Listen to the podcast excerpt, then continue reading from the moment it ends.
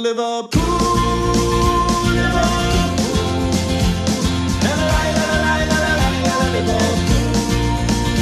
Liverpool. Hej hej och hallå! Det är dags för ytterligare ett avsnitt av eh, Liverpool-podden, Total Liverpools podd.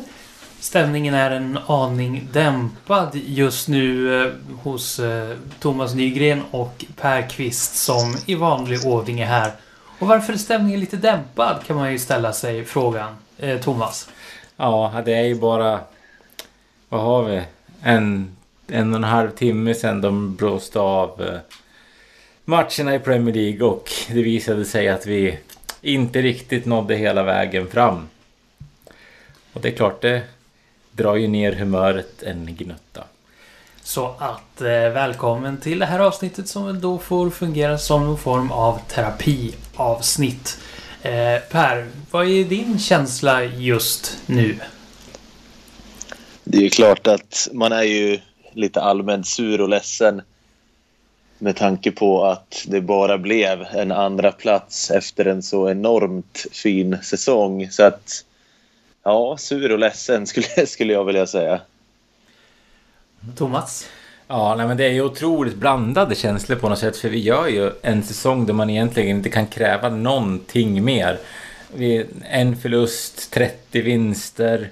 Vi, går vi in i mål med nio raka segrar eller något sånt där. Det är ju inte, man kan egentligen inte sätta fingret på att det var det här som gjorde att vi förlorade titeln. Utan fan, City vinner 13 raka matcher. Hur konkurrerar man med något sånt? Vi gjorde ju allt som vi kunde för att eh, ta den här titeln. Den tredje högsta poängsumman i Premier Leagues historia. Om jag minns... Om statistiken jag såg stämde så var det bara två gånger i hela engelska ligafotbollens historia som vårt poängsnitt inte hade räckt till en ligatitel.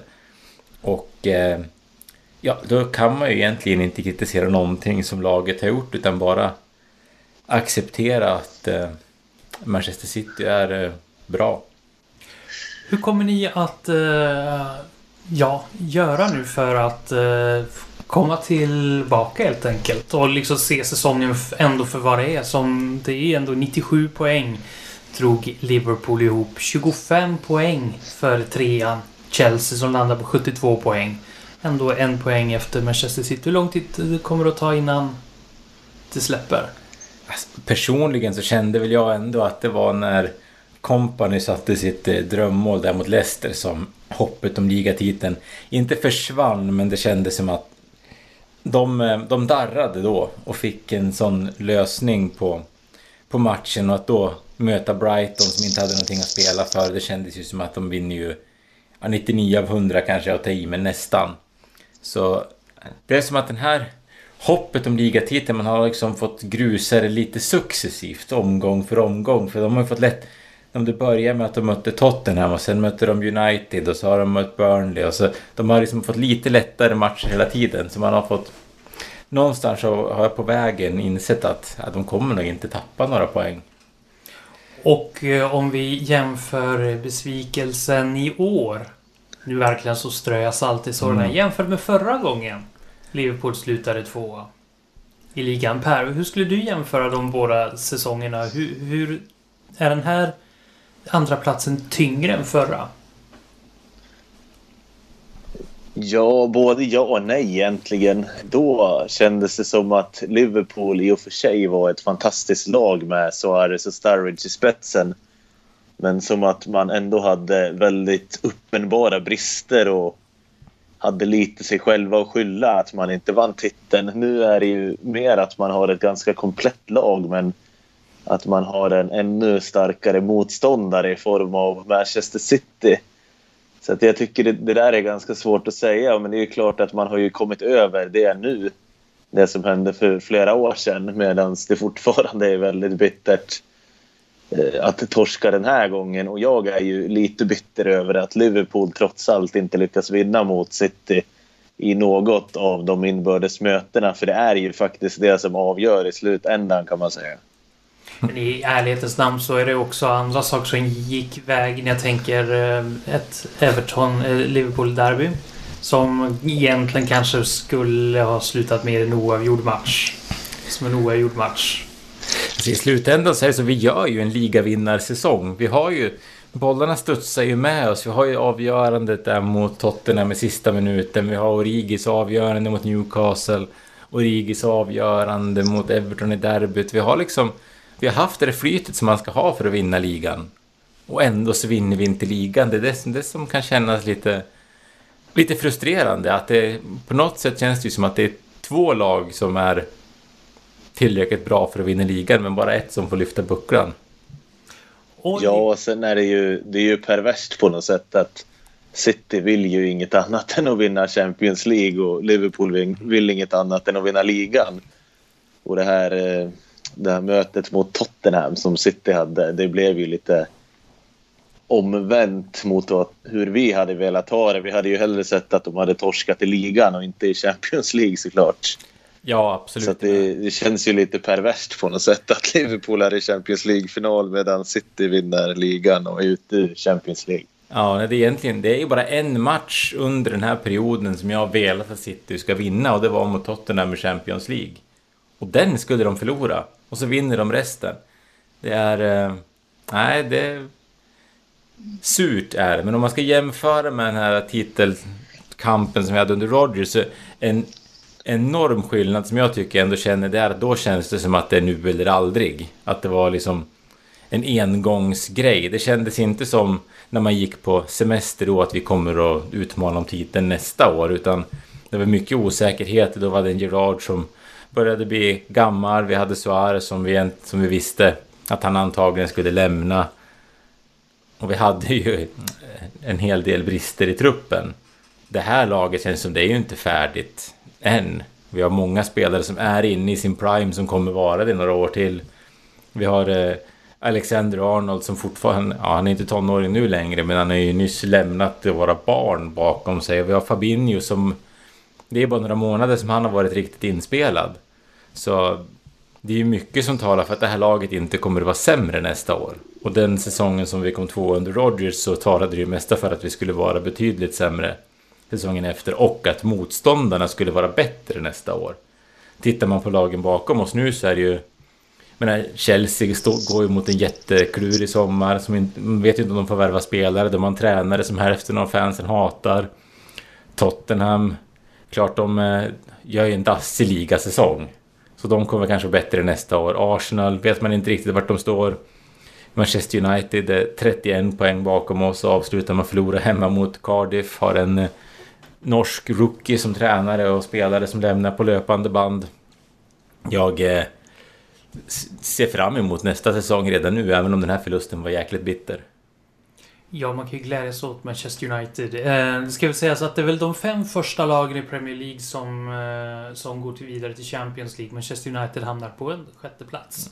Eh, precis efter Det Arsenal. förutsätter väl en Arsenal-seger i Europa League-finalen va? Ja, så gör väl. Ja, gör det det? Vilka är det de möter? Ja, precis. De möter Chelsea där. Ja, det är, det är något Det är ju Europa slash Storbritannien, eller Europa slash England som gör upp om de stora titlarna i år. Lite tråkigt får man ju säga. Ja, men eh, nåväl, nog om det. Eh, vi kommer inte bara att eh, älta andra platser idag. Vi kommer att eh, i vanlig ordning eh, hitta en spelare som lämnade Liverpool för ett par år sedan och eh, kollar upp vad gör han nu? Vi ska tillbaka i det retrospektiva. Vi ska se tillbaka på en säsong och den här gången så är det eh, säsongen 91-92. Finns det något där Thomas bara något som man kan minnas? Finns det någon spelare där som, som eh, man kan nämna som... eh, personligen då fastnade jag för att det var säsongen som Jamie Redknapp gjorde sitt första mål. Bara en sån sak. Vi ska ta reda på en eh, transferprofil. Vi ska alltså blicka framåt och se vad, vad skulle Liverpool kunna göra för att förstärka sin redan starka trupp för att kunna ta hem den här åtråvärda segern nästa gång. Vi ska även eh, titta på en talang. Vi har ju en Champions League-final att se fram emot och en topplista. Som ni hör så finns det en del saker ändå att glädja sig över. Även om det här låter lite krystat från min sida att verkligen glädjas över det när det är bara ett par timmar sedan som den här ligatiteln definitivt gled Liverpool ur händerna. Och för andra gången i Premier Leagues historia så vinner inte det lag som toppar serien vid årsskiftet. Förra gången var det Liverpool också. Kommer Liverpool att kunna vinna någonting i år? det, vi har ju en chans till. I alla fall, det får man ju glädjas åt. Men det, det var ju inte så att jag satt för en vecka sedan och kände att snart är det Champions League-final. Utan då hade man ju snarare börjat fundera över om man ska göra den första juni för att slippa tänka på att Barcelona spelar Champions League-final. Så allt är inte mörker. Vad- vad- hur ska ni göra nu då för att komma över det här? Har, ni- har ni något tips? Vad, vad gör ni? Nu liksom. Är, Ja, jag vet. Man är ju inte van vid att eh, förlora ligatitlar i sista omgången så det är inte så att man har någon... eh, Så att man vet hur man ska gå vidare. Men någonstans, en sånt här år när vi gör det så väldigt bra, det är ju, det är ju lite grann så att vi förlorar ju inte den här titeln utan det är City som vinner den. Förra gången så kunde man ju se tillbaka på ja, Gerard halka mot Chelsea till exempel. Vi har ju inget sånt tillfälle på den här, i den här ligan. Det är klart att man kan se de här det 11 millimeter från att bollen skulle vara inne mot City.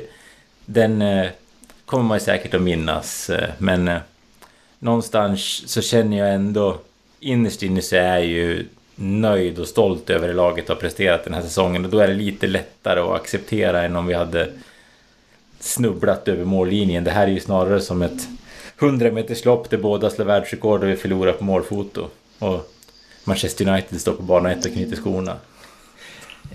det låter som Manchester United är ett bra sätt att ta ut sin, sin besvikelse Jag märker att det är det som jag tar fasta på. på. Eh, per. Thomas har ju Manchester United att eh, glädjas över. Vad, hur gör du då för att eh, hantera det här? Ja, för min del så tycker ju jag att det lättaste är att sätta allt fokus på Champions League-finalen. Och att på något sätt ändå sätta det i det perspektivet som det hör hemma. Det vill säga att Champions League är ju en större, en bättre tävling än Premier League. Så Champions League-titeln är ju en större titel rent objektivt än vad Premier League-titeln är. Så jag tänker att jag har 100% fokus på Champions League-finalen. Jag har redan glömt the fucking Premier League nu. och ja, på så vis bearbetar jag mig själv. Och det är ju lite som när man får en irriterande låt på hjärnan eller någonting. Det bästa sättet att bli av med det är ju att hitta någon annan bättre låt att få på hjärnan. Så att eh, nu är det Champions League som gäller från och med nu. Ja, men då gör vi lite som så. Vi lämnar ligan bakom oss för den här gången. Vi kommer att återkomma i senare avsnitt och vi kommer att göra en mer ordentlig eh, säsongssammanfattning och då kommer vi avhandla ligan på ett lite mindre terapeutiskt sätt och kanske på ett lite mer objektivt sätt. Vi lämnar ligan bakom oss helt enkelt nu och eh, blickar bakåt. Vi, eh, jag tänkte vi, vi ska spana in eh, efter en spelare som för många år sedan, för en tid länge, länge sedan, spelade i Liverpool som en ung spelare. Och nu ställer vi oss frågan nu när han inte är ung längre. Var är han nu? Och framförallt, vem är han nu? Ja. ja, nej vi har ju betat av några gamla godingar i den här programpunkten och nu har vi kommit till en utav alla de här spelarna som försökte etablera sig som vänsterback i Liverpool i början på 2000-talet. Och eh, jag kan ju redan nu reservera mig för mina uttal på franska eftersom jag läste tyska i högstadiet och gymnasiet så är inte det min bästa sida. Men den spelare som vi ska prata lite grann om nu är Gregory Vignal som eh, kom till Liverpool år eh, 2000 ifrån sin eh, ungdomsklubb Montpellier, kanske. Ehm, han eh, hämtades in till Liverpool år 2000 för en halv miljon ungefär och eh, gjorde bra ifrån sig i ungdomslagen. Och fick faktiskt eh, göra debut ganska snart. Eh, han, han gjorde sin debut redan eh, mot Rotherham i FA-cupen under säsongen 2000-2001 och det var ju hans första säsong i Liverpool. Men eh, det ville sig aldrig riktigt för honom. Utan han hade problem att slå sig in i laget. Han konkurrerade ju med en, en, eh, en hårdskjutande norrman där ute på vänsterbacksplatsen och han hade svårt att ta sig förbi John Arne Riise i rangordningen. Hade också lite problem med skador så hans Liverpool-karriär blev väl inte riktigt vad han hade hoppats på utan det blev mest hattande runt på lån. Han var i eh, Bastia 2003, han var i Rennes 2003. Han var 2004 på lån i Espanyol. Faktiskt där han gjorde sitt första mål som seniorspelare. Säsongen efter Eh, 2004-2005 var hans, hans sista säsong i Liverpool var han utlånad till Glasgow Rangers. Han gjorde 30 matcher där och tre mål och var en stor publikfavorit faktiskt. Speciellt efter ett minnesvärt mål mot Celtic som gjorde att han blev en stor favorit hos fansen. Um, och de försökte lösa honom det året efter när Liverpool ville sälja honom vidare men det gick inte riktigt. Rangers hade ju inte de ekonomiska musklerna som krävdes utan istället så slutade det med att Vignal hamnade i Portsmouth. Där han gjorde 14 matcher så det var inte heller någon större succé. Lämnade Portsmouth och sen så blev det en riktig karusell med klubbar. Han hann under de sista åren på sin karriär avverka Lans, Kaiserslautern, Southampton, Birmingham, Atromitos, Dundee United innan han eh, avslutade karriären i mindre klubbar i Frankrike. Sen så var det ganska tyst runt Gregory Vignal innan han eh, 2018 hittade en väg tillbaka in i Glasgow Rangers genom att han eh, skrev på för att vara tränare i ungdomslagen. Så eh, numer så är Gregory Vignal en av tränarna som drillar den talangfulla ungdomen i Glasgows eh, blåa lag. Och eh, han pratar väldigt mycket om att han hade lärt sig mycket av att träna både under Houllier och Benitez och tog med sig lärdomarna ifrån, eh, ifrån Liverpool in i sin tränarkarriär. Och precis som många av de andra spelarna så siktade han på att nå ännu högre. Men eh, nu var, verkade han nöjd med att träna ungdomslagen i Glasgow Rangers. Så vi har inte bara Steven Gerrard och Gary McAllister i Glasgow Rangers tränarstab utan går man lite längre ner i åldrarna så hittar vi också Gregory Vignal. Och det låter på, på dig Thomas som att eh, Gregory Vignal har inte bara Benitez och Olier att eh, jämföra med. Med tanke på alla klubbar han har varit i så finns det nog en flora av tränare att ha tagit intryck av. Eh, vad, vad, vad har ni för minnen av eh, den gode Gregory Vignal? Per? Ja, han är ju inte en spelare som jag har sett i hundratals matcher måste jag ju erkänna. Jag har faktiskt... Mitt främsta minne från att ha sett honom spela var ju där på lån i Glasgow Rangers. För det här var ju på den tiden som svenska TV4 var det väl som sände skotska ligan. Det fanns ju ett visst intresse i Sverige för den i och med Henke Larsson och Johan Mjällby och sådär. Men jag kan ju inte påstå att han gjorde något större intryck mer än att han var verkade vara en stark karaktärsspelare i alla fall. Och det är väl främst det att han var en spelare med stark inställning. Ja, vi famlade ju efter en vänsterback under ja, nästan 20 års tid egentligen innan, innan vi hittade Andy Robertson. Och Vignal var ju en av de här spelarna som man hoppades på eller försökte tro på att han skulle vara den som fyllde luckan där ute. Um, men han blev ju aldrig så bra som, eh, som man höll tummarna för att han skulle bli. Så jag minns inte speciellt mycket av hans tid i Liverpool, jag erkänner. Jag minns ju honom, men inte någonting av hans, eh, inte någonting av hans insatser. Men han fick ju en lång, spännande karriär ändå på många olika platser och eh, har ju tagit sig tillbaka till Glasgow Rangers som faktiskt var laget där han hoppades få spela fler säsonger. Ja, och nu sen tillbaka då i Glasgow Rangers som ungdomstränare Gregory Vignal, som vi nu vet var han håller hus. Och när vi ändå är inne på den här punkten så ställer vi oss frågan Var är han nu? Igor Biskan. Ja, Igor Biska, de går ju också in i slutskedet av, eh, av säsongen. Man har spelat fyra matcher sedan vi hördes av sist. Man, tyvärr så följde man ju upp den här 7-0-vinsten mot Rijeka med att förlora med 4-0 mot Hajduk Split. Så det var väl kanske inte den här kraftdemonstrationen som man hade hoppats på. Men därefter så tog man sig vidare från semifinal i kuppen. Man slog Inter Sapresic med 2-1. Därefter har man slagit både NK Rudes, som vi alla vet var en, en av Biskans första klubbar som tränare, med 3-1. Och i förra omgången så daskade man dit NK Istra med hela 7-0. Så eh, man måste ändå säga att det är en fin form eh, som eh, Biskan avslutar säsongen med. Sen får vi se om det räcker till att behålla jobbet. Det är ju det, är tuff marknad för honom ändå som är inne på sin tredje klubb redan trots att vi alla är överens om att han har gjort succé vart han än har satt sig. Men eh, 7-0 mot NK Istra på bortaplan är den senaste matchen som HNK Rijeka, som Birskans lag heter, har gjort. Så där är det väl kanske en ganska positiv känsla nu, får man hoppas. Det var ju en styrkedemonstration som hette duga. Det, det hör man ju. Har vi något, några uppgifter på var i tabellen han återfinns med klubben? Um, ja, det är den tabell som har hattat lite grann det här. Jag ska se om um, några omgångar kvar att spela så har Rijeka tagit sig upp till andra platsen bakom Dinamo Zagreb.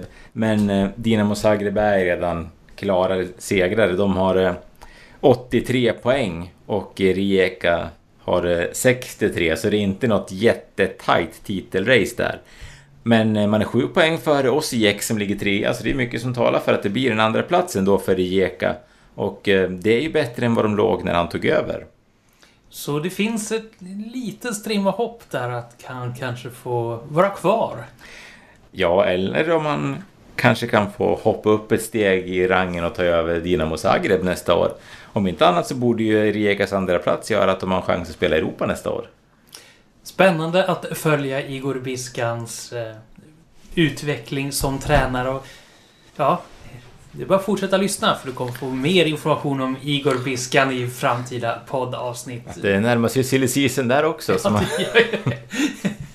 eh, vi, vi håller oss kvar lite i det förgångna. Eh, och eh, istället för att ställa oss frågan vad vi har olika spelare nu som har spelat för Liverpool så kikar vi tillbaka till en specifik säsong. Och eh, Thomas, du sa mm. tidigare att eh, vi ska tillbaka till säsongen då den forne Liverpool-spelaren Jamie Redknapp gjorde sitt första mål. Mm. Vilken säsong är vi på då?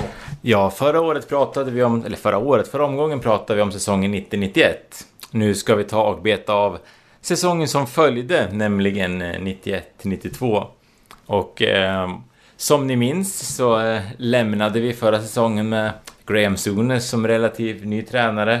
Första säsongen som eh, Liverpool inte eh, Liverpool lyckades inte vinna ligan det året. Och eh, man, kom, man kom tvåa bakom Arsenal. Ehm, när vi gick in i säsongen 91-92 så lämnade några spelare. Vi hade Peter Beardsley som lämnade. Vi hade David Speedy, Gary Gillespie och det unga vänsterbackslöftet Steve Staunton lämnade för eh, att söka nya jaktmarker. Istället så hade Graham Sunes hämtat in Dean Saunders och Mark Wright, båda från Derby. Och en eh, ung herre vid namn Mark Walters som man plockade från Glasgow Rangers.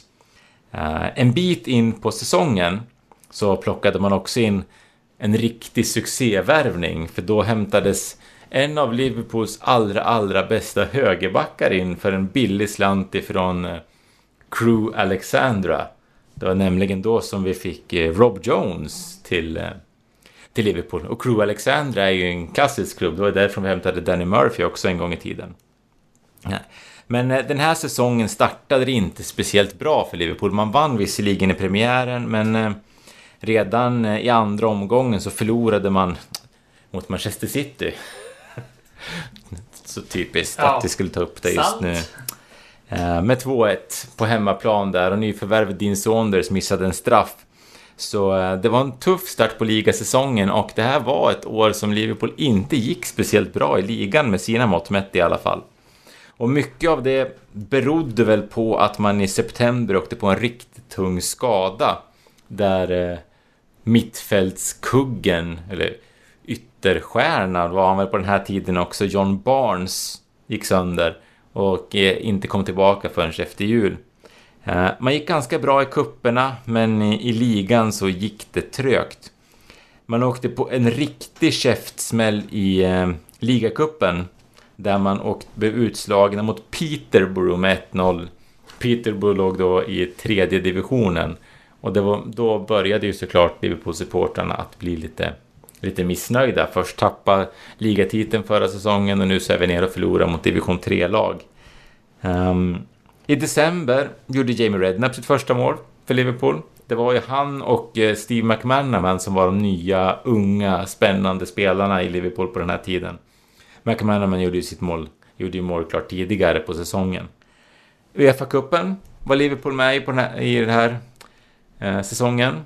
Gick till kvartsfinal. Åkte ut mot Genoa med 4-1 i kvartsfinalen där och det var inte heller positivt. Man hade ju inte spelat i Europa på ett tag innan det här på grund av eh, Heysel-katastrofen. Så det här var liksom som en comeback i Europa och eh, då slutade det med att man åkte ut mot Genoa.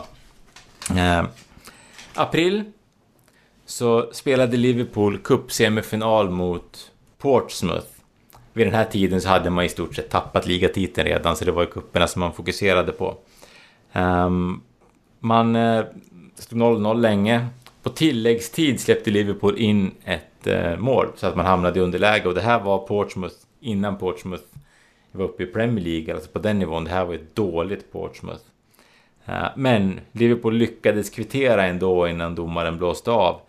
Men efter den här matchen så visade det sig att Graham Souness hade blivit tvingad att ta sig till sjukhus. Han fick göra en eh, hjärtoperation efter den här matchen. Jag har inte riktigt förstått vad bakgrunden var, om det var pressen att vara tränare för Liverpool eller någon sjukdom eller liknande, men eh, han tvingades i alla fall till sjukhus och göra en hjärtoperation, så det var eh, Ronnie Moran som tränade Liverpool i returmatchen som Liverpool lyckades vinna på straffar och därigenom ta sig till, eh, till final i FA-cupen. Ligaspelet slutade Liverpool sexa och det var första gången sedan 1981 som Liverpool hamnade utanför topp 2. Säger ändå någonting om hur bra Liverpool var på 80-talet. När det här är alltså säsongen 91-92. Första gången sedan 81 som Liverpool hamnade utanför topp 2. Det är, eh, säger mycket om storheten i Liverpool under 80-talet. Och svårigheten för Graham Souness. Ganska stora skor att fylla. Absolut. Eh, men ligasäsongen slutade väl ändå på något sätt på, ett positiv, på en positiv nivå för man slog Manchester United där i slutskedet och därigenom så hjälpte man Leeds att vinna ligatiteln. Det här var den sista ligatiteln som delades ut innan det gick över till att bli Premier League. Så Leeds blev alltså det sista laget att vinna den här gamla First Division som det hette på den här tiden. Ehm, fa Cup-final blev det i alla fall för Liverpool. Där mötte man eh, Sunderland som inte heller var ett, ett första divisionslag då. Och uh, lyckligtvis så lyckades man i alla fall lämna den matchen med 2-0 seger och få lyfta fa Cup-bucklan.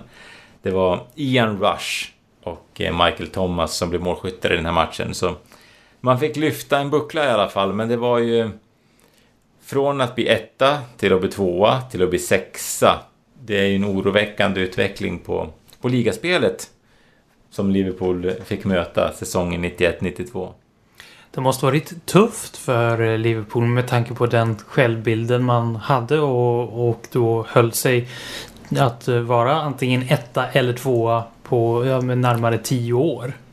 Vad, vad kan ha varit kan det ha varit dåligt att man tog den här FA-cupen? Kan det ha varit skadligt? Alltså skulle det behövts göras mer för att Liverpool skulle kunna komma på fötter? För utan att ha några åldersuppgifter så antar jag att många av nyckelspelarna ändå hade sett sina bästa dagar.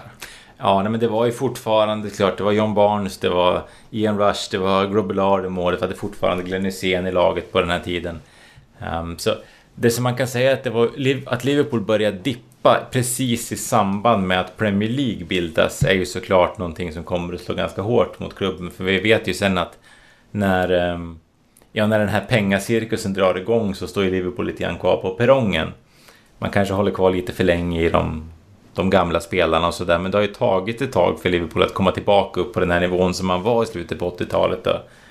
Så ehm, det här var ju en en ligasäsong som gjorde att man kanske anade oråd. Och jag själv, jag var jag, tio år vid den här, den här säsongen, så jag minns ju ändå just den här Peterborough-matchen kommer jag faktiskt ihåg att jag läste om i tidningen. För det var ju på den här tiden när man gick i mellanstadiet, då brukade man gå runt och reta varandra när lagen förlorade. Och det minns jag att jag, att jag fick höra. Så just den matchen, när jag läste om det så kommer jag faktiskt ihåg just att 1-0 mot Peterborough, det var tydligen ingenting som man skulle vara stolt över. Och eh, det hade varit bra att säga att ja, men det här var bara en tillfällig dipp. Men ju fler säsonger vi kommer gå, gå igenom desto dystrare kommer det väl att bli också. Det här är början på en, en dipp helt enkelt vad det gäller Liverpool och, och sen så har man bara högst sporadiskt kunnat ta sig upp på toppen och nå fornstora dagar. Men här, det var här det började och det var här säsongen 1991-92 då Jamie Redknapp gjorde sitt första mål. Eh, och med det så lämnar vi det förgångna bakom oss helt enkelt. Vi kommer återkomma till fler säsonger att minnas tillbaka till då det kanske gick lite bättre och i vissa fall även lite sämre. Kan man bara lägga till att skytteligavinnare för Liverpool det här året i ligan, det blev din Sonder som gjorde flest mål. Han gjorde 10. Salah och Mané gjorde 22 var i år. Ja. Eh, så att det har blivit bättre med åren. Och nu kan man bli lite positiv. Ja. det kan behövas. Eh, som sagt, vi lämnar det förgångna bakom oss och så börjar vi kika framåt. Eh, och eh, någonting som man kan glädjas åt, det är ju framtida förstärkningar. Vad skulle Liverpool kunna göra för att ta den där åtråvärda Premier League-titeln? Det var ju ett par år sedan sist. Eh, vi pratar ju 1990 när man sist fick lycka, eh, lyfta en ligapokal. Och något då som kan hjälpa till att eh, få klubbar att lyfta pokaler, det är ju transfer lyckade transfers. Se på Manchester City. De har ju transfer, gjort en del lyckade transfers, ganska dyra sådana. Och Liverpool också för den delen. Och vad kan man göra för att förstärka en redan stark trupp? Vad kan man ha för transfermål? Per, vi ska titta på en transferprofil och vilken ska vi titta på då? Vi ska kolla på en lagkamrat till en tidigare transferprofil. Vi hade ju för några avsnitt sedan Kai Havertz i Bayer Leverkusen. Och nu slår vi alltså till med hans lagkamrat Julian Brandt. Har vi hört en hel del om tidigare, alltså att det har spekulerats eh, om just Julian Brandt. Va, vad är det för eh, snubbe det här? Ja, det är en spelare som kom till Leverkusen som 17-18-åring från Wolfsburgs akademi. Och därefter har ett stegvis etablerat sig. Nu är han 23 år och Leverkusens kanske bästa spelare efter just nämnde Havertz. Och han är en yttermittfältare i grund och botten men som nu har gått in som offensiv mittfältare under den här säsongen och det är ju spännande att han kan spela på flera positioner. Det är en högerfotad spelare som har bra teknik, ett bra skott men framförallt bra sista passningar, de här sista avgörande passningarna och han är känd för att vara bra på att iscensätta spelvändningar. Vilket ju är någonting som vi gillar i Liverpool att göra. Och ja, han är ju en sån här teknisk spelare och påminner ju lite om Adam Lallana. Och skulle ju kanske kunna betraktas som en potentiell ersättare till just Lallana. Och Brandt har ju figurerat oerhört mycket i medierna. Både som du säger vad gäller Liverpool men också andra klubbar. Och det beror ju delvis på att han har en klausul på 25 miljoner euro som kan tryggas nu i sommar. Och 25 miljoner euro är ju i stort sett ingenting på dagens marknad. Vilket gör honom hur spännande som helst för massvis med klubbar. Och han har ju dessutom visat väldigt fin form den här säsongen. Han har gjort 6 mål och 14 assist på 32 Bundesliga-matcher. Han blev vald till månadens spelare i Bundesliga i februari.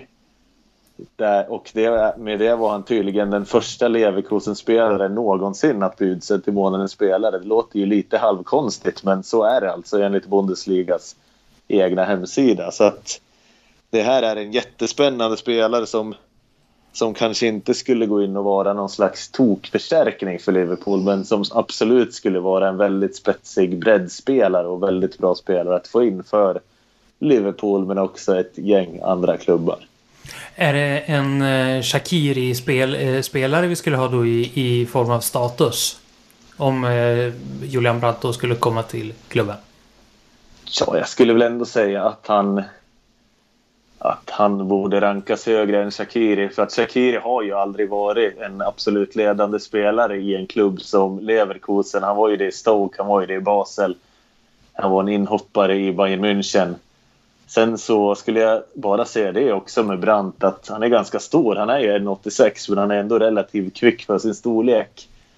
Och under sin karriär, som jag var inne på, har han stegvis etablerat sig i Leverkusen och han har ju vissa år hoppat in i ganska många matcher och han har gjort väldigt många mål som inhoppare också. Och det är ju intressant att han har den egenskapen uppenbarligen att kunna komma in från bänken och göra en bra insats. Det är inte alla spelare som har den mentala styrkan att kunna göra det. Men det är ju en väldigt spännande aspekt också med tanke på Liverpool-perspektivet. Hur eh, troligt skulle det vara för eh, Liverpool att eh, lägga någon form av bud på den här spelaren? Hur väl skulle han passa in i, i klubben? Jag tror han skulle kunna passa bra. Det, det är också, han måste ju jobba spelet utan boll naturligtvis som i stort sett alla som kommer till Liverpool måste jobba med. Eh, hur troligt det är? Så, enligt tys vissa tyska medier så är Liverpool den troligaste klubbadressen men det finns ju många klubbar som är där och rycker i synnerhet med tanke på klausulen 25 miljoner euro. Jag menar 25 miljoner euro i runda slängar det är ju vad Liverpool kommer få för Danny Ings. Det är vad man fick för Solanki. Och här pratar vi liksom om en spelare som är ledande i en topp 4-klubb i Tyskland och som har spelat ett gäng A-landskamper för Tyskland trots att han bara är 23 år. Så det är en otrolig fyndvärvning för vilket lag som än snappar upp honom. Om du skulle få gradera Eh, Julian Brandt eh, på en skala 1 till 5 bra värvning. Eh, var, skulle du, var skulle han hamna då någonstans? Jag skulle väl ändå sätta en fyra. För att han är, han är ju ingen världsspelare just nu. Men sam, så samtidigt så summan är ju väldigt lockande. Jag menar om han skulle misslyckas så kan man ju bara sälja tillbaka honom för minst lika mycket. Så att jag skulle säga en fyra. Jag tycker inte han har riktigt den utväxlingen för att sätta en femma. Skulle han kunna vara ett alternativ att spela i någon av de tre offensiva positionerna också? För jag tänker vi har eh, ganska gott ställt på, på mittfältet där vi har ju både Fabinho, Henderson, Wijnaldum, Milner, vi har Keita, Oxlade Chamberlain. Vi har ju ganska, ganska starkt mittfält om man ser till liksom bredden. Skulle han kunna vara ett alternativ att spela i den offensiva trean också? Så att man skulle kanske kunna använda honom på fler positioner än bara på mittfältet? Ja, han skulle ju kunna spela där på kanterna där eh, Salah och Mané har härjat under säsongen.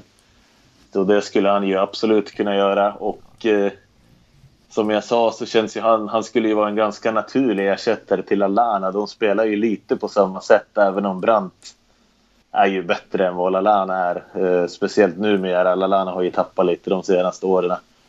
Eh, så att eh, ja, han skulle ju vara en trevlig spelare att få in. För det är ju också så att vi har ju varit väldigt turliga. Eller haft en väldigt tur med skador på nyckelspelare den här säsongen.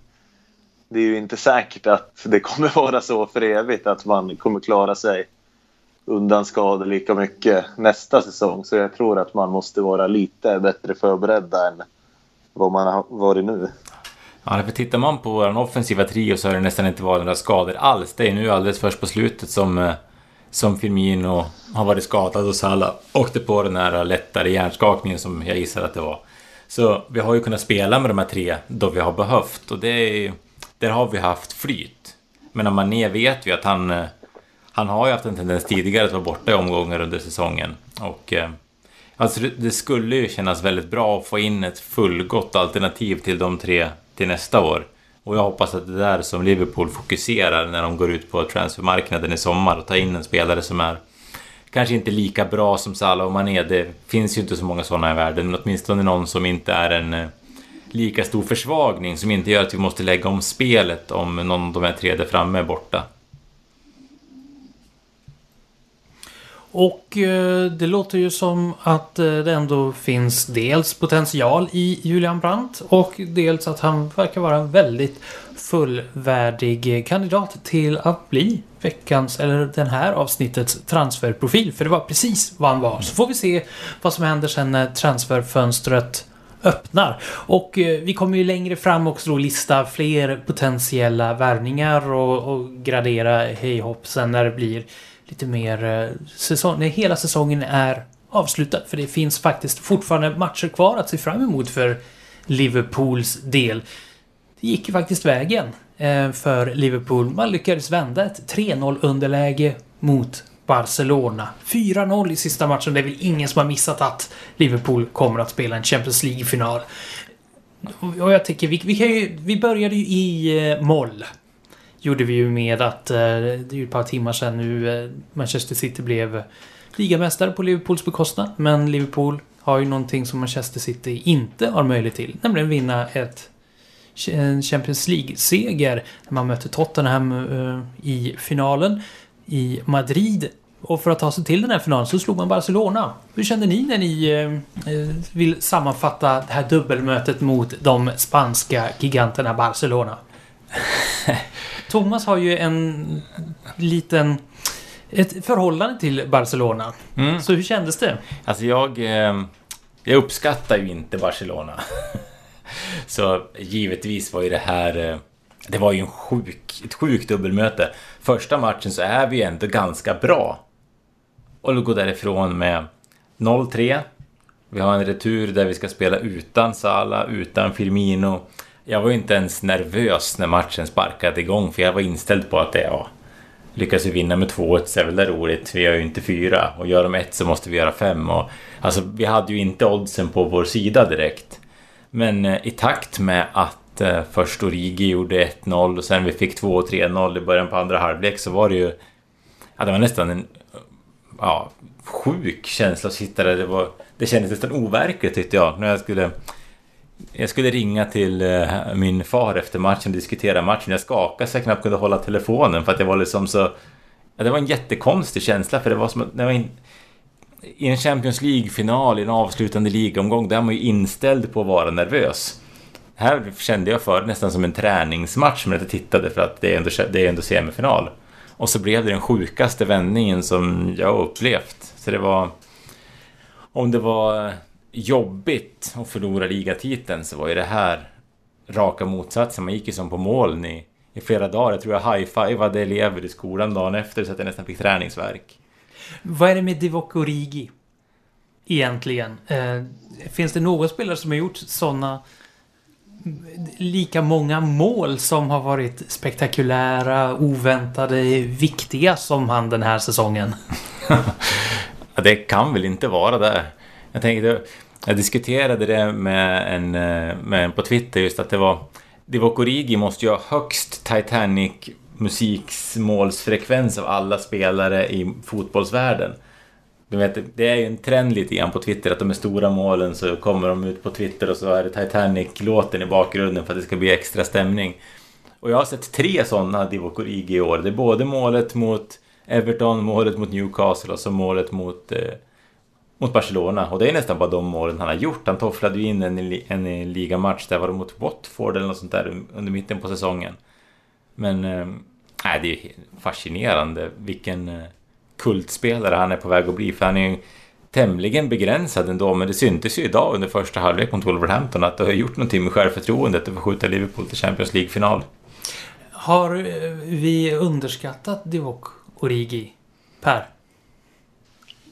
Egentligen inte, tycker väl jag. Alltså, han har ju onekligen stått på rätt plats vid rätt tillfälle några gånger och det var ju ett väldigt bra avslut också på Trent Alexander-Arnolds hörna. Men jag tycker väl egentligen inte att vi har underskattat honom för att han är ju lite en sån här spelare som när du går långt i Champions League så har du ofta någon spelare. Vi hade ju Luis Garcia där när vi vann senast som gjorde några fantastiska saker men som kanske egentligen inte höll måttet sett över hela säsongen.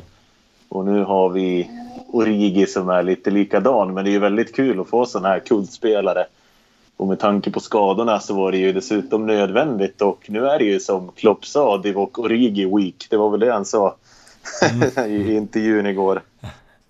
Ja, men han är just, just den här kraftfulla spelaren är ju också något som är bra att byta in mot trötta försvaret. Därför han är ju en fysisk närvaro i straffområdet och kan liksom bryta sig igenom, skapa frisparkar, är farlig på fasta situationer.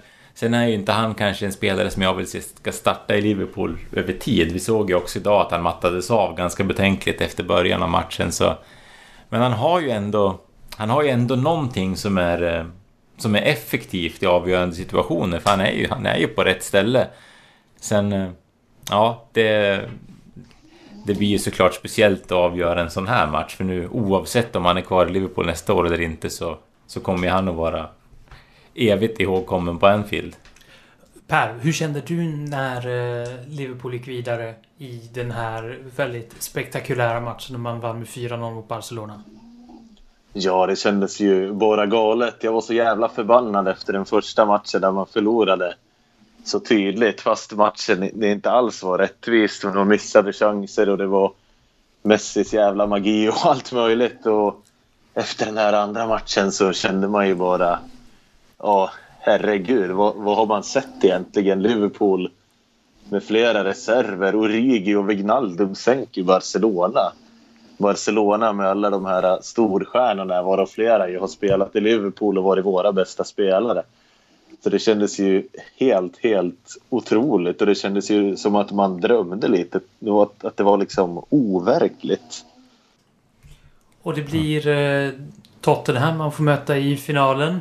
Eh, spontant, vad, vad säger ni om det? Per?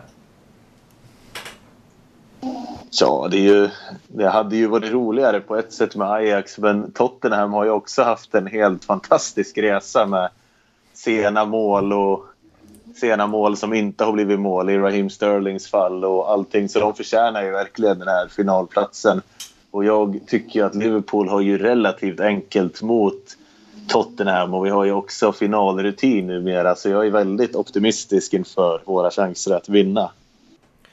Thomas, vad säger du då?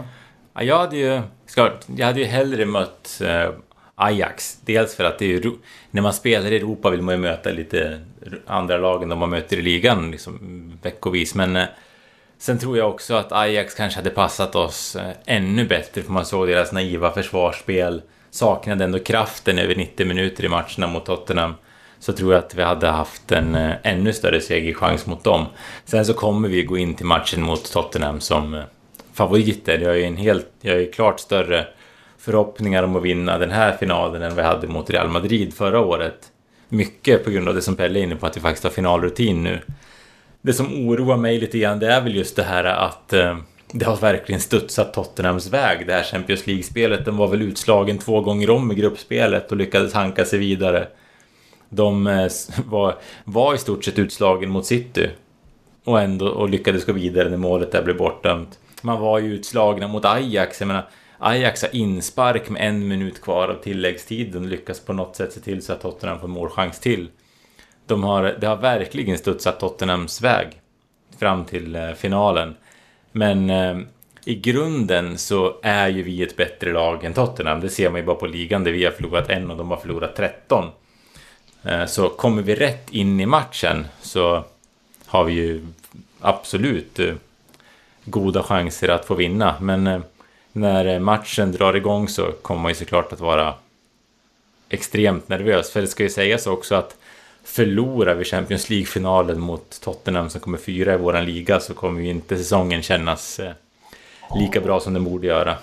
Ja, då blir det ju en sån här klassisk säsong som eh, det verkar som att något lag råkar ut för varje varje år kommer två i ligan. Ofta finalförluster i kupper och eh, finalförlust i Europa League eller Champions League. Valencia har gjort det, Dortmund har gjort det, mm. Atletico Madrid har gjort det. Jag tror Bayer Leverkusen lyckades med något riktigt klassiskt också. Precis, det, det, har varit sådana. Vi får hoppas att det inte det råkar ut för Liverpool. Om man ställs ju mot en klassisk förlorarklubb får man väl ändå säga. Mm. Tottenham. Det ska, det, det, det ska mycket till. Ja, nej men i grund och botten så är vi bättre än Tottenham. Det handlar bara om att vi ska visa det den här matchen också. Kort Per, vad tror du då om Liverpools eh, chanser i eh, finalen? 60-40 skulle jag ändå säga. Kanske 65-35. Tycker ändå det är ganska tydlig fördel Liverpool även om Tottenham är ju farliga. Jag menar, de slog ju ut Manchester City till exempel som ju bevisligen är ett mycket bättre lag än Tottenham över tid också. Så att de är helt klart farliga, men vi är helt klart favoriter enligt min mening. En match är kvar att spela i Champions League och vi kommer att eh, prata betydligt mer om den när det närmar sig mer ordentligt i den här podden. Vi kommer att ha ett eh, Champions League-finalavsnitt av något slag. tanken. Traditionsenligt Tra Champions tra traditionsenligt Champions League-finalavsnitt. Som brukligt är vid den här tiden av året. Eh, ja, vad skönt ändå att, att kunna ha det som en traditionsenlig vana. Vi har väl haft en Europafinal varje år som vi har haft podden igång. Ja, så att eh, vi kommer inte lägga Ni ner behöver det. inte tacka oss men Men, eh, vi, vi, men vi tar gärna emot mutor. ja, vi har ju å andra sidan ingen titel så vi ska... Det är sant. Man kan inte vara allt här i världen. Nej. Eh, och eh, vi, vi, vi börjar närma oss slutet av eh, det här eh, avsnittet. Och som brukligt är vid slutet så brukar vi runda av med en topplista. Och den här topplistan kan väl ha någonting med lite så här Champions League-vibbar att göra ändå. Ja, vi har tänkt att vi ska, vi ska försöka lista de säsongens eh, fem mest minnesvärda ligamatcher.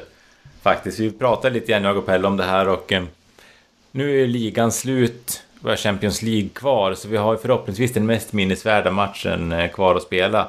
Så vi skalade ner till att titta på de fem mest minnesvärda ligamatcherna som vi gjort. Vi har ju spelat 38 matcher i år och eh, alla är ju minnesvärda på olika sätt såklart en sån här säsong. Det är ju få matcher som eh, har fallit i glömska helt. Så vi valde att plocka ut de fem allra mest minnesvärda matcherna för att se vad kommer vi att komma ihåg från den här säsongen egentligen. Och hittar vi på plats nummer fem. Ja, men om vi börjar på, på plats fem här och så letar vi oss tillbaka till några dagar före nyårsafton när eh, Liverpool skulle möta Arsenal. Vi eh, mötte Arsenal på Anfield och eh, det här var ju när Arsenal var lite grann så på väg att nosa på, på en chans att vara med i ligatiteln. Men eh, vi dammade av Arsenal med 5-1 på Anfield. Arsenal tog ledningen tidigt. Men fem minuter efter Arsenals ledningsmål så hade vi vänt genom två målet av Firmino. Det här var ju en riktig styrkedemonstration av Liverpool på hemmaplan. Eh, 5-1 hemma mot Arsenal och det här var några dagar innan vi skulle möta City på bortaplan. En match som eh, ju var av väldigt stor vikt. Och Arsenal blev ju brutalt medvetna om att man hade ingenting i toppen att göra. Eh, vilket eh, var ganska korrekt. Och eh, Arsenal som kämpat med, eh, med ett svagt försvarsspel eh, under hela säsongen. Det, var- och det var ju verkligen en påminnelse om det. Det var plats nummer fem. Vad hittar vi på plats nummer fyra? Plats nummer fyra så får vi resa tillbaka ända till september faktiskt. Då eh, vi stod på full pott i ligan och ett annat lag som stod på full pott i ligan då var Chelsea. Som vi skulle åka till Stamford Bridge och möta på bortaplan. Det här var bara några dagar efter vi hade förlorat mot Chelsea i ligacupen. Um, vi hamnade i underläge. Hazard gjorde mål där i första halvlek och det kändes väl som att det här, eh, äh, det här kommer nog inte bli så jäkla bra. Men eh, från någonstans så hittade Daniel Sturridge tillbaka till sitt gamla jag och satte en riktig, riktigt kanonskott långt utanför straffområdet i nättaket bakom Kepa i Chelsea-målet. Alldeles i matchens absoluta slutskede. Och det är ju ett sånt här mål som fick en att tänka att det kanske är i år ändå som vi ska kunna vara med och konkurrera. För det är ju den typen av mål man gör när man är med i en, i en toppstrid. Ja, det var ju fortfarande där i eh, mitten av september, de första omgångarna får man ändå säga. att Man är lite osäker på vad det är. Är det bara liksom flyt att man är så stabila som kunde damma av bara omgången innan eh, Southampton hemma och den stabiliteten som man ändå uppvisade. Eh, man var ju fortfarande lite orolig huruvida den kunde bibehållas eller inte. Så 1-1 mot Chelsea, ja absolut, även om det inte blev en seger. Det var plats nummer fyra. Nu har vi plats nummer tre då. Mm. Plats tre, då är vi också tillbaka i början på säsongen faktiskt. eh, Lite tidigare i september. Och det är bortamatchen mot eh, Tottenham. Dit kom vi efter att ha vunnit de första fyra ligamatcherna. Ganska så bekväma segrar ändå, även om Alisson gjorde det lite spännande mot Leicester. Eh, Och det var väl första gången som jag riktigt förstod hur bra Liverpool var just nu. För vi körde ju över Tottenham totalt på deras dåvarande hemmaplan. Ehm, även om det bara blev 2-1 så borde det kanske snarare ha slutat vid 4-0 eller något liknande.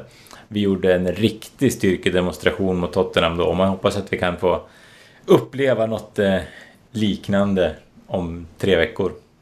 Ja, en favorit i repris vill vi definitivt ha när det gäller eh, det motståndet. Tottenham 2-1 alltså. Också början av säsongen på plats nummer tre. Eh, hur ser det ut på plats nummer två då? Ja, plats nummer två är ju en sån här match som eh, jag tror att vi alla kommer att minnas väldigt väl. Det var december, ganska ruggigt väder i, i England vid den här tiden. Vi skulle spela derby på Anfield. Eh, Jag vet själv att jag tog på mig långkalsongerna på vägen dit för det var ganska så, ganska så kyligt. Ja, någon var ju där. Ja, och eh, hemmaderbyt mot Everton var ju också en sån här match då man kände att det är något speciellt med Liverpool i år. Vi eh, skapade inte speciellt mycket. Första halvlek, några målchanser till oss, några till Everton. Andra halvlek, eh, ja, avslagen nästan.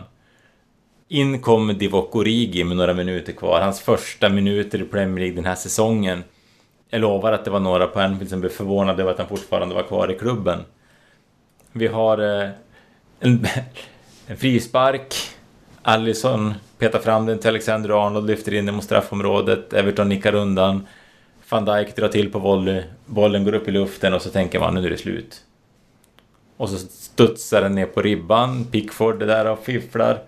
Och så ramlar den ner i huvudet på Divock Origi och vi har vunnit derbyt. Det här var ju en, eh, en sjuk matchavslutning. Som man inte kommer få se något liknande igen. Hur var det att stå på läktaren? Eh, först så tog det nästan ett tag att fatta att det liksom att det var mål, för var, situationen var ju nästan över. Och när det liksom, när det väl framgick att det var, att det var mål, då exploderade ju Anfield. Jag tror inte att jag upplevt eh, någon sånt eh, glädjerus på läktaren där tidigare. Det var otroligt häftigt och sångerna utanför arenan efter matchen var ju också, det var ju bara en, liksom en vecka före julafton. Var det inte alls. Det var en månad, det var, det var en knapp månad före julafton så det var ju julskyltning för fullt i, eh, i Liverpool då. Så det, man sjöng eh, liksom julsånger där man bytte ut varannat ord mot Origi. Det var, nej, det var jättespeciellt. Och eh, vad, vad är det som skulle kunna toppa det här om eh, derbyvinsten bara, bara återfinns på plats nummer två? V- vad, vad toppar det här?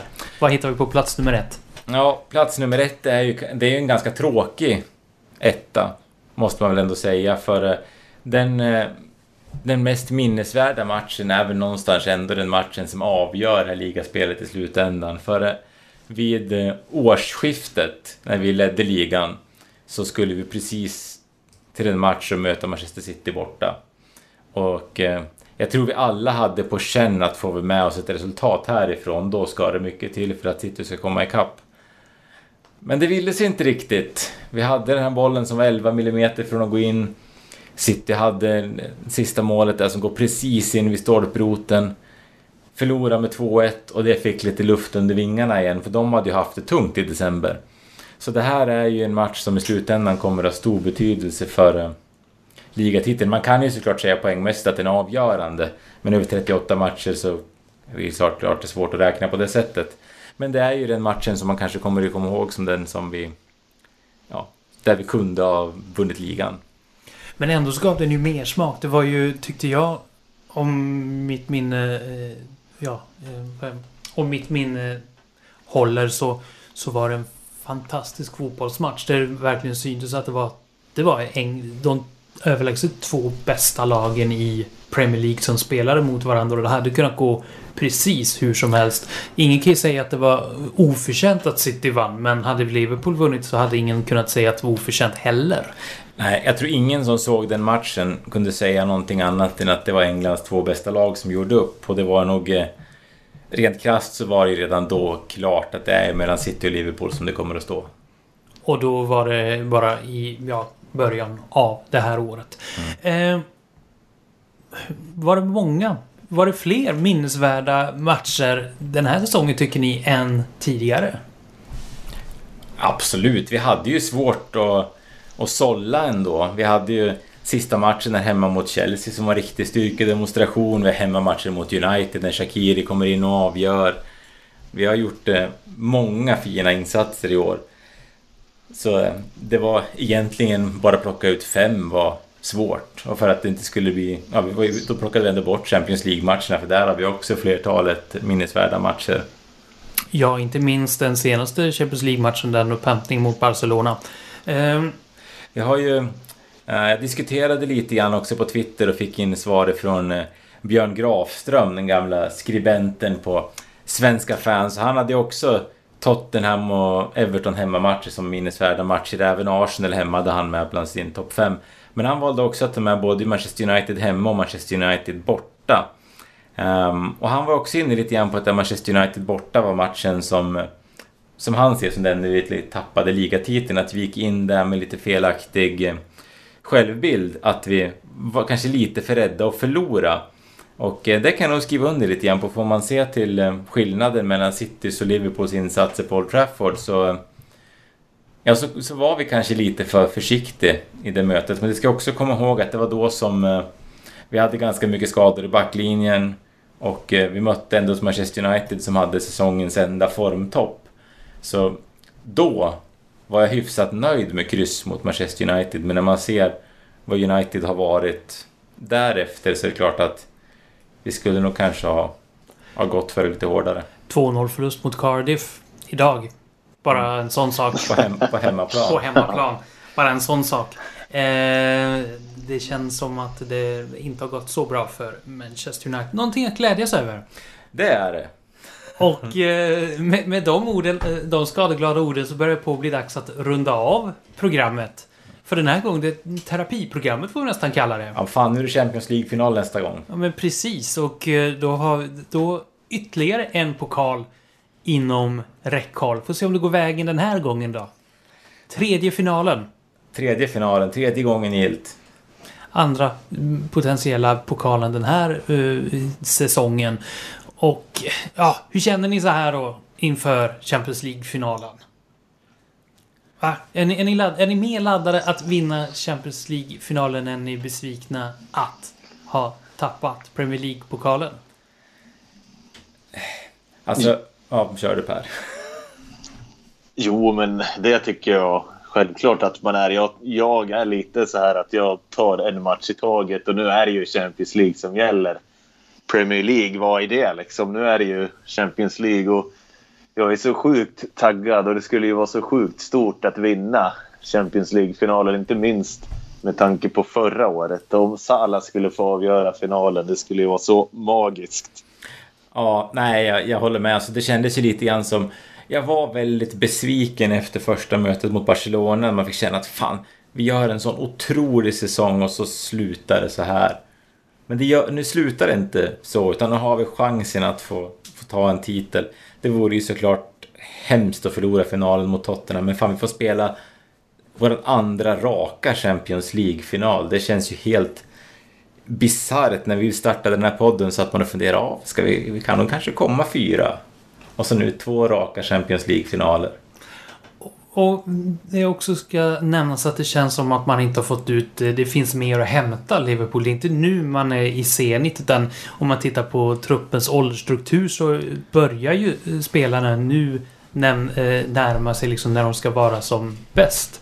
Eh, Mané, Salah, Firmino, van Dijk, eh, Henderson och, och Milner. Fabinho, Milner.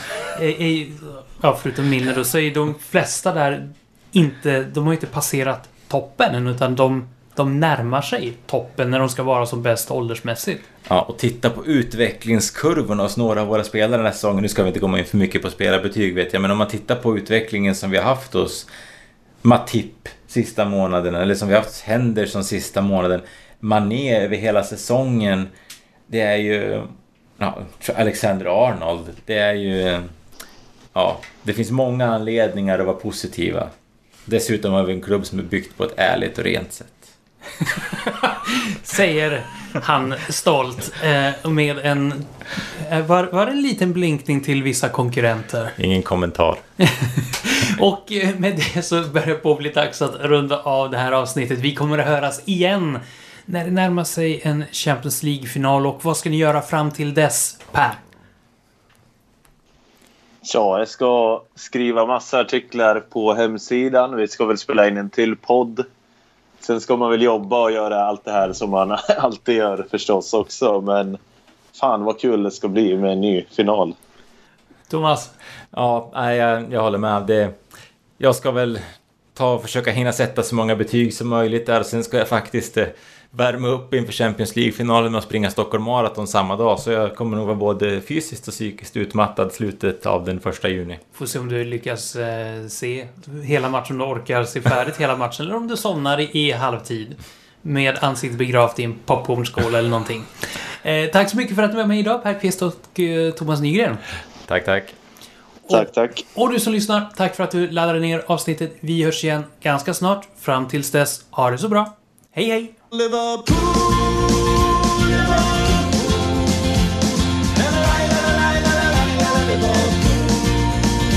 Liverpool.